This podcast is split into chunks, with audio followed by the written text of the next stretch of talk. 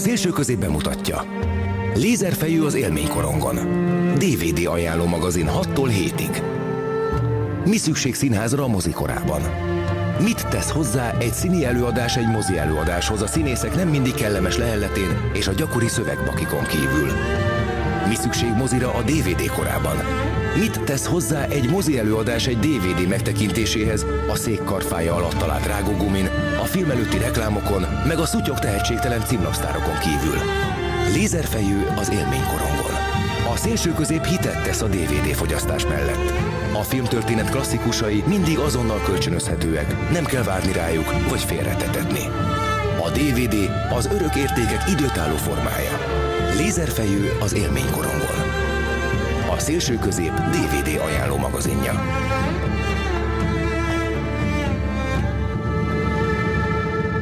A szélső közép DVD ajánló magazinjával jelentkezik.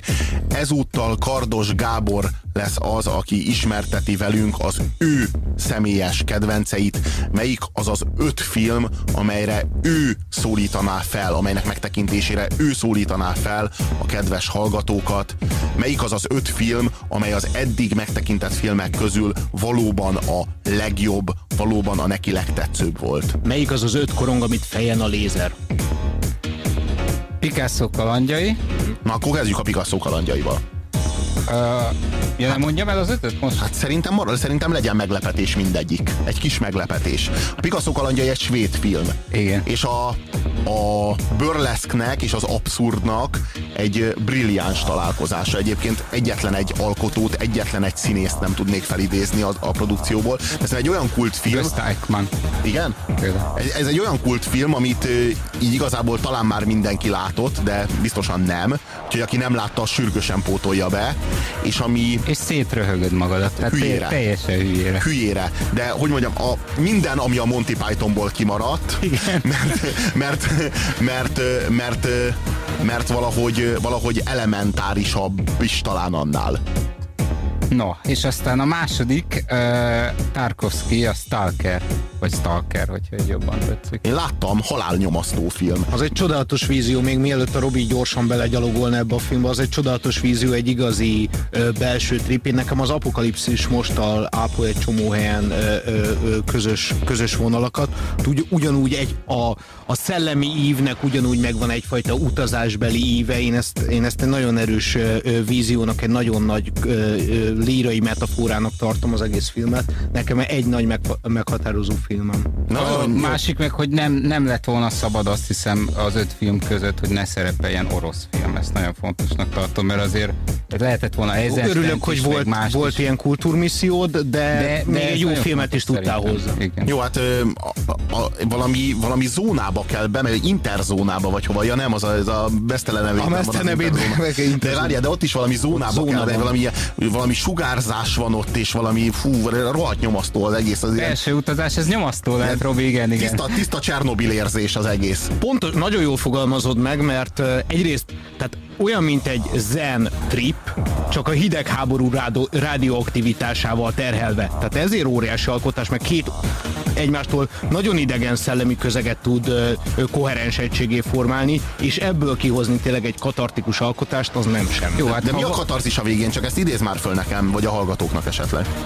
Hát nekem, nekem a, a, a katarzis a végén, most, most ilyen emlék... Ne a sztorit mondd el. Én most csak... ilyen emléknyomokból próbálom újra konstruálni azt, ami nekem ezügybe a katarzis volt, az a kifordulás volt. Tehát olyan, olyan mint amikor a Feldmár a lét urokról beszél, hogy vannak olyan vannak olyan megélések, amikor egy egész óriási utazás megteszel, és az egésznek az elején ö, ö, találod magad úgy, hogy közben minőségileg megváltoztál. Na erre a katarzisra emlékszem, amikor befejeztem a filmnézést. És hogy ez mennyire személyes és fontos film tud lenni, van egy kedves fotográfus barátom, aki minden évet azzal kezdi, azt a cirkóban szokták január 1-én vetíteni ezt a filmet és azzal kezdi az évét. Uh-huh. És meg lehet ezt csinálni, minden évben meg lehet nézni ezt a filmet, hatodszorra már úgy, úgy többet megért ez belőle.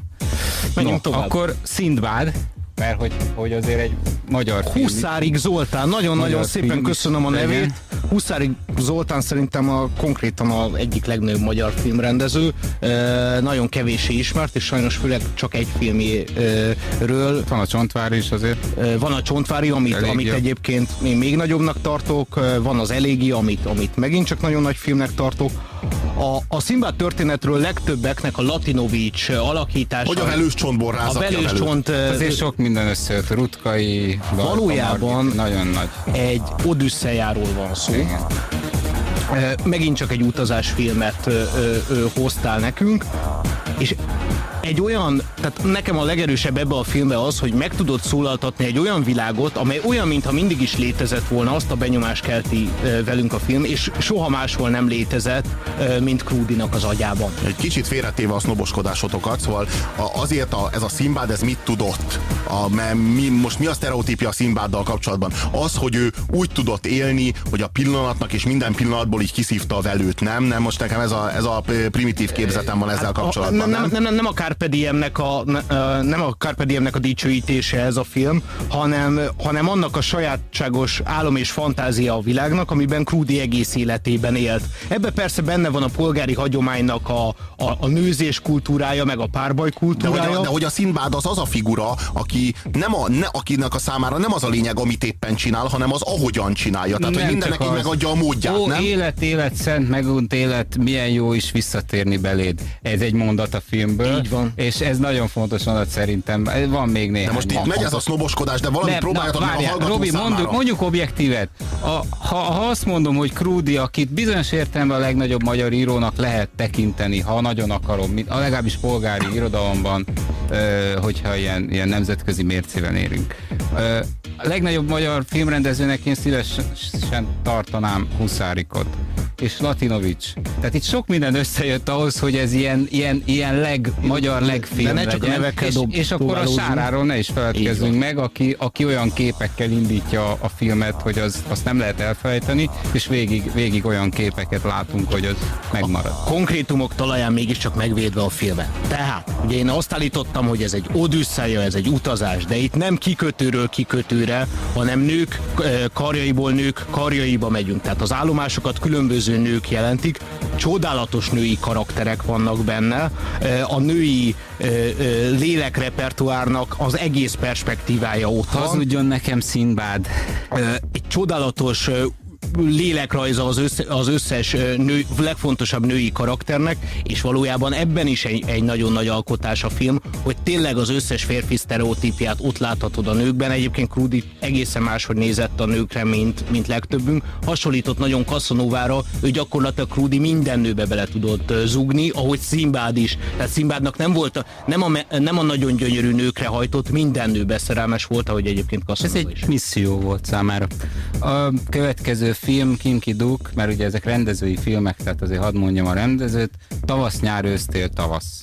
Na igen, ez, ez egy nagyon érdekes, ez egy buddhista tanítás, ez a film. Érdekes módon egy dél-koreai keresztény rendezőkevel követte el. Ezt talán kevesen tudják. Ráadásul Koreában hát igen nagy hagyománya van. Sok keresztény van. Komoly hagyománya van a buddhizmusnak, ugyanakkor viszont azt talán kevesen tudják, hogy van két millió protestáns, konkrétan református vallású, és Kim Kiduk is ilyen, és eh, ahogyan, ahogyan ő ezt a, ezt a egyébként egy életpályát mutat be, mester és tanítvány kapcsolatát, azt a folyamatot, ahogyan a tanítványból mester lesz, és, és a bűnbeesés, és a bűnbocsánat, és a feloldozás változás folyamatát. Igazából egy keresztény ívet ír le, tehát a megváltás útját írja le. Jó, de egy buthát visz fel a, a hegyre. Igen, de egy buthát visz fel a hegyre, nem egy keresztet a végén. Tehát tulajdonképpen egy buddhista módszertan és egy keresztény megváltástan. Jó, ez, hát ez gyönyörű a film. Tehát igazából azt emelném ki, hogy gyönyörű a film. És az, ahogy indul, az a kép, és ahogy az egész tárul folyamatosan a film. És egy, és egy olyan eszközrendszert kapsz a kezedbe a filmtől, konkrétan tétel hitelesen. Tehát egy olyan pedagógus ez a, ez a Kim Kiduk, és egy olyan ö, megkapod a kezedbe a magad fegyelmezésének és a magad jobbításának a nagyon-nagyon konkrét a, a eszközeit. Kelet, a kelet, mint tavasz. Ez gyönyörű ez a film. Igen, hát én akkora elcsipelt közhelynek tartom az összes mestertanítvány filmet, hogy azt én elmondani nem tudom. Én nem azt ez, emeltem a, ki. Ez a kedves mester, De nem ez- oda tojtam a bokor alá, mit gondolsz erről? Jaj, az élet egy nagy ö, vihar, amelyben hol úgy szállunk, mint a por, hol pedig eltűnünk, Jó, nem mint a tetszett a fejva. film? Tanulj Láttad a egy- filmet? Láttad a filmet amúgy?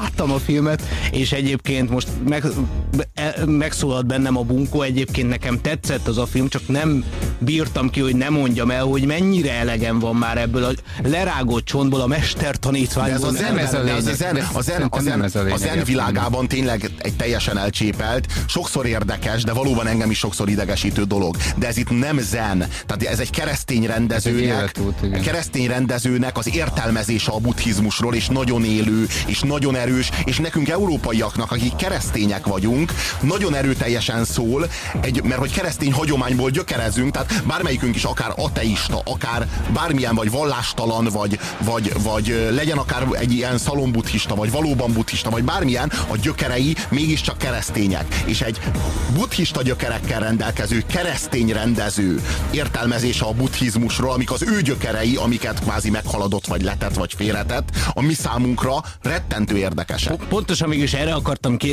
kiukadni, hogy ez az erős és érdekes kivétel, ez az erős és érdekes egyedi nézőpont ez- ezekre a problémakörökre szembe az általam vázolt eh, hihetetlenül lerágott csontról és hihetetlenül túlmisztifikált keleti álbölcsességek. Nem erről van szó a filmben, ez egy gyönyörű film, és szerintem ez csak egy sztori tulajdonképpen itt, nem, nem ez a középpont. Szerintem zseniális film. Következő, hát ez egy francia film is akad, Amélie csodálatos élete. Hát ez egy Az igazi, igazi csajfilm. ez egy igazi sikerfilm egyébként. És Talán milyen a- jó, hogy ez sikerfilm tudott lenni, egy ez ilyen a, film. ez a Zsöné nevű francia rendező, akinek egyébként számos nagyon jó filmje van. Tehát például a Delicatessen Igen. talán sokak számára ismerős lehet. Egy brutálisabb verziója, ugyan? El- Elveszett gyerekek városa. De, de azt hiszem, hogy Zsöné rendezte a legutolsó Alien epizódot is. Igen. Ö, Ami kevésbé sikerült, ha jól tudom. Ilyen, ilyen. Az Aliennel kapcsolatban az egyetlen jogos kérdés az az, hogy Alien?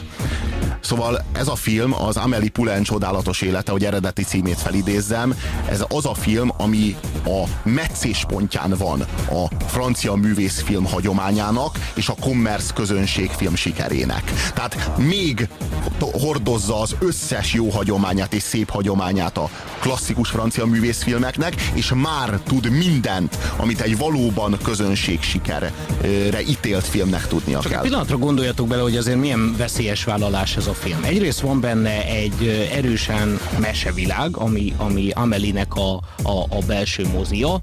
Másrészt van benne egy ö, teljesen romantikus ö, szál, egy ilyen plátói szerelem, azt, ami végül aztán valódi szerelemmé válik. Már ezt elég nehéz összepárosítani úgy, hogy ez jó erős legyen, és közben azért mégiscsak egy nagyon furcsa elmébe ö, ö, tekinthetünk bele, egy nagyon szürreális és nagyon öntörvényű világban, tehát egy egyáltalán, számomra egyáltalán nem biztos Amelinek az erkölcsi magasabb rendűsége, amivel például szivat más embereket, minden további erkölcsi megfontolás nélkül a film ezek fölött teljesen nyugodtan Egy elsipli. érzelmi terrorista. Egy érzelmi terrorista, tehát én azt gondolom, hogy Amelie mindenképpen beteg, nagyon komoly tekintetben, és szerintem erkölcsileg is beteg, de a film szépsége A és fiú se egészséges. a fiú se egészséges, de a, a filmnek a szépsége és az egész történetnek az esztétikája az végül is feloldozást ad. Ezt egy baromi érdekes kísérletnek tartom, és De- hogy ebből sikerült közönségfilmet csinálni, na az az, ami... Nagyon ez, de, ez, hogy párizsi. Amelie, de ez, hogy Amelie beteg. Amelie ö, egy olyan kö, körítésben jelenik meg a filmben, mintha Krisztus lenne. És hát nem az. Nem az, csak egy ember. Egy ember a maga szeszélyeivel, a maga téblábolásaival, a maga szerencsétlenségeivel, és hát a, a, a maga kis vétségeivel, amilyenek mi vagyunk. És mindeközben pedig célirányosan embereket akar megváltani adott esetben. Tehát így mindenkinek az életét meg akarja váltani. És egy csomó mindenki van, akivel szimpatizál, és akinek meg tudja váltani az életét, és van, van hát most te konkrétan a zöldségesről beszélsz, akinek nem akarja megváltani az életét, hanem nagyon meg akarja szivatni azért, mert, mert meg akarja büntetni, mert azt látja rajta, hogy javíthatatlanul gonosz. Jó, mindenkit szivat, még magát is. Jó, bocsánat, bocsánat, de azért nem a hétköznapokban nem lenne brutális egy ilyen létdiktátor, egy ilyen manipulátor, aki a hátam mögött ügyködik a saját erkölcsi szabályai szerint, és nem tudom, hogy az ő fejében épp zöldséges vagyok-e, vagy egy megmentendő író. Na, várjál, és ez teljesen a... az ő fejére van bízva, hogy mi lesz az ő játékszabálya, hogy arra keleke, hogy megráz az áram, vagy arra keleke, hogy találkozom az elveszett gyerekem. De azért korrekt az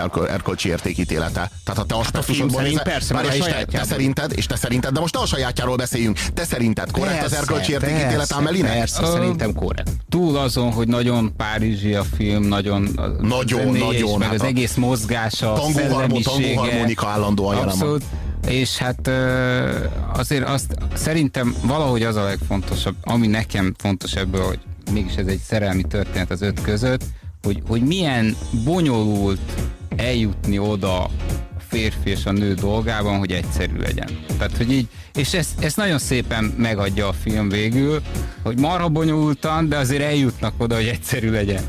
És, és a filmtörténet egyik legnagyobb jelenete van benne, ami egyébként ilyen, ilyen intertextes, tehát egy átemelés, az nem a filmnek a koherens része. A válogatás videó az megvan, amikor a ló megjelenik a Tour de France-on, amikor a ö, ö, falábú ember elkezd steppelni, azok valami egészen, egészen katartikus pillanat. Nem, hát az az a film, a film a filmben, ez egyébként a Kör című film jut erről mm-hmm. eszembe, a film a filmben, ami az eszenciája a filmnek elvileg, tehát hogy készült egy film, ami a filmben jelen van, és amit hogyha önmagában megnézel, akkor megkapod a kis sűrítményét annak a filmnek. Az a film az kvázi arról szól, hogy, hogy így érdemes élni, tehát hogy ne adjad fel, hogy így minden, hogy így... Hogy mindig vannak kis nyilak, és akkor így a, így a galambok így szemelgetik a magokat, amiben a nyíl, ami de ez, de ez, meg, de ez megvan egyébként az, Amerika, ez megvan az Amerikai Szépség című filmben is, ahol a nejlonzacskó táncol, abban a filmben is ugyanezt jelenti, ugyanezt jeleníti meg a quintessenciája a filmnek, amikor a film megjelenik a filmben. Sajnos nem tudom eluralni a belőlem kikívánkozó György Pétert, úgyhogy hagyj mondjam el, hogy Borgesnek a híres tanulmányában a kínai szobának hívják ezt az írói technikát, amiben van egy belső, belső mű a nagy műn belül, és ezt az egyik legnagyobb mesterfogások között tartják számon. Egyébként szerintem is az egyik legfontosabb írói vagy alkotói feladvány összesűríteni egy mini művet, ami kifejezi a mű egészét a nagy műn belül, úgy, hogy annak koherens része Ez a szoba és a zóna a Stalkerben.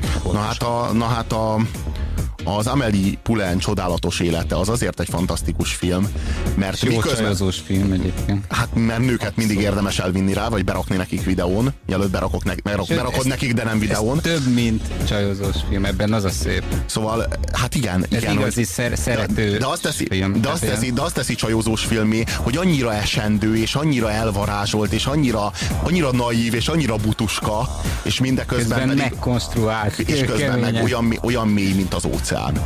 Szóval ezek voltak Kardos Gábor legkedvesebb filmjei, ezt az öt filmet ajánlja a ti figyelmetekbe Kardos Gábor, hogy mindenképpen szerezzétek meg élménykorongon, és utána ne, ne tagadjátok meg tőle a lézerfejűt.